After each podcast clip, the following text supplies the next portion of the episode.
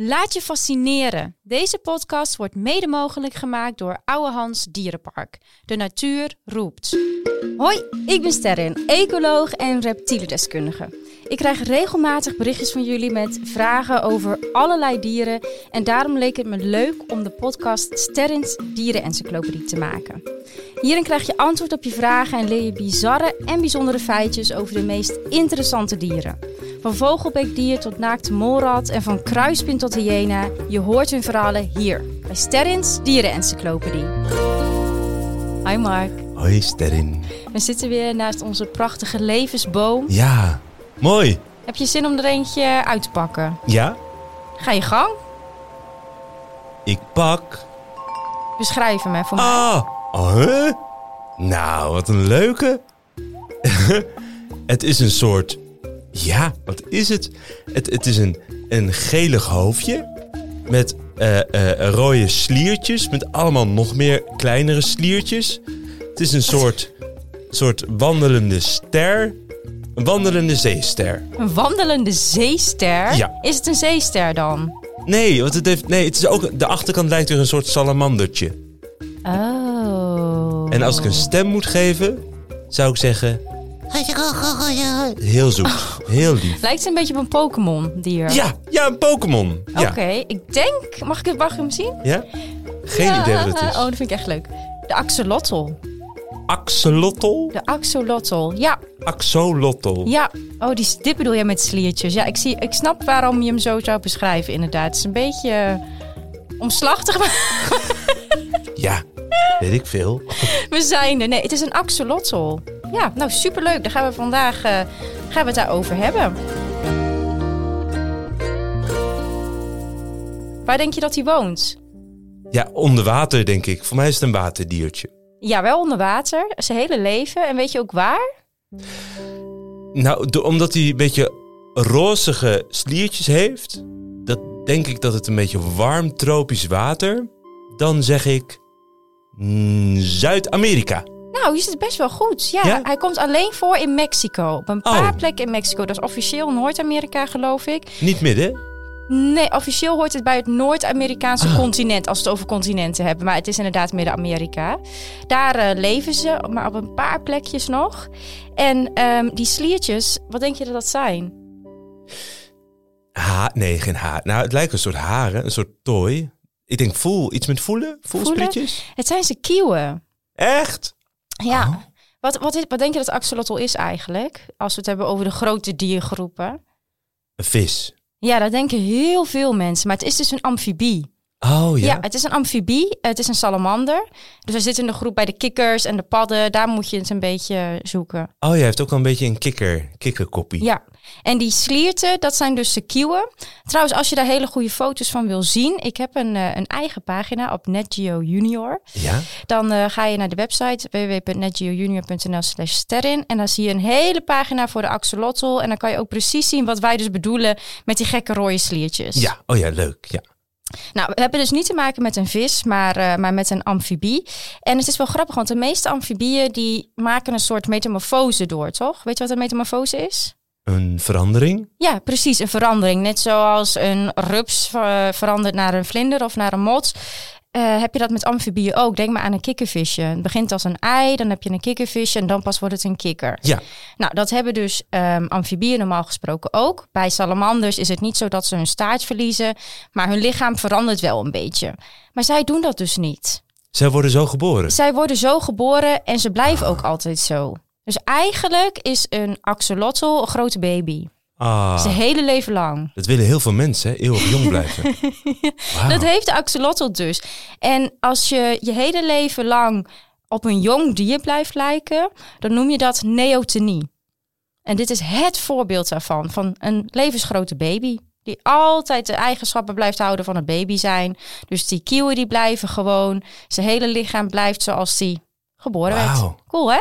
Maar wacht even, want bij een vis zitten die kieuwen natuurlijk altijd aan de binnenkant. Klopt. Toch, Da- daarmee haal je adem, toch? Dat ja, toch dat zijn kieuwen? die spleetjes zeg maar. Ja. Aan, aan de zijkant van hun wang. Ja. Daarmee halen ze zuurstof uit het water. ja. En, en, en waarom zit het dan bij de ax... Ik vergeet de naam steeds. Ax, Axolotl. axolotl. Waar, waarom zitten die aan de buitenkant? Dat weet ik eigenlijk niet. Ik denk dat ze die normaal gesproken ehm, verliezen, eh salamanders ze. Oh ja? Maar bij hem blijven ze gewoon zo zitten. Aan de buitenkant maakt eigenlijk ook niet uit waar ze zitten. Als jij gewoon een systeempje hebt waarmee je zuurstof uit het water kan halen, dan ben je er.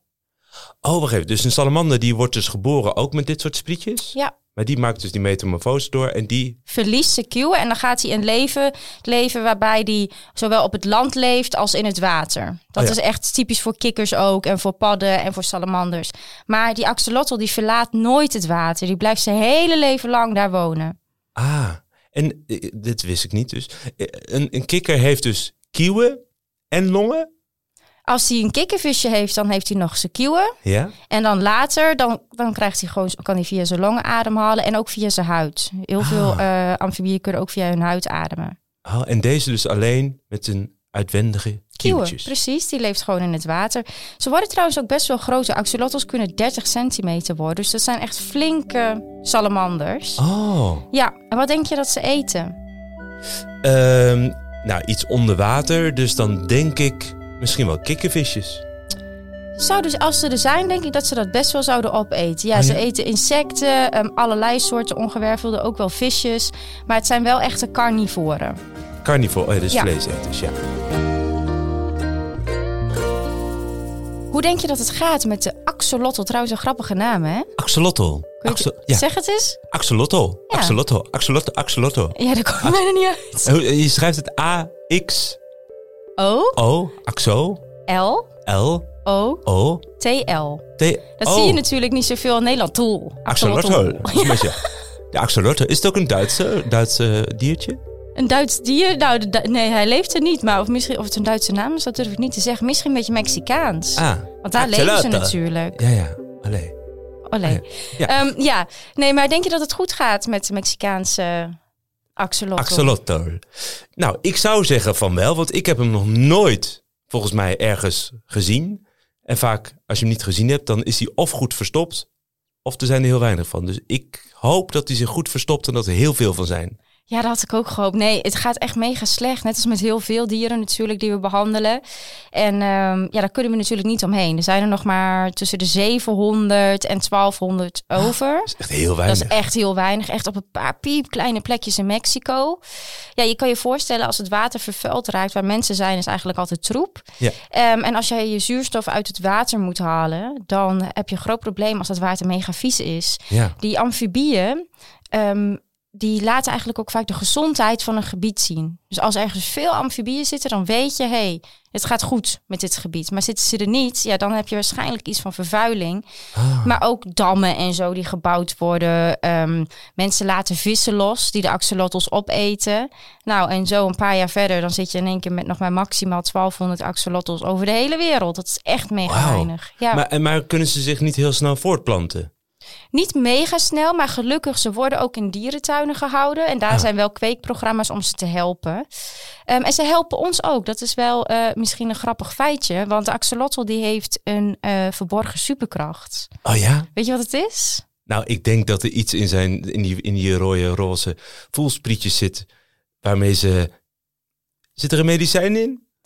Dat is wel vaak zo bij de, bij de dieren die we noemen. Ja, misschien wel op den duur. Want bij de axolotl is het zo dat als er een ledemaat, bijvoorbeeld een armpje of een beentje afgaat, dat ze dat gewoon weer kunnen aangroeien. Oh ja? Ja? bij ons hou je dan een stompje over.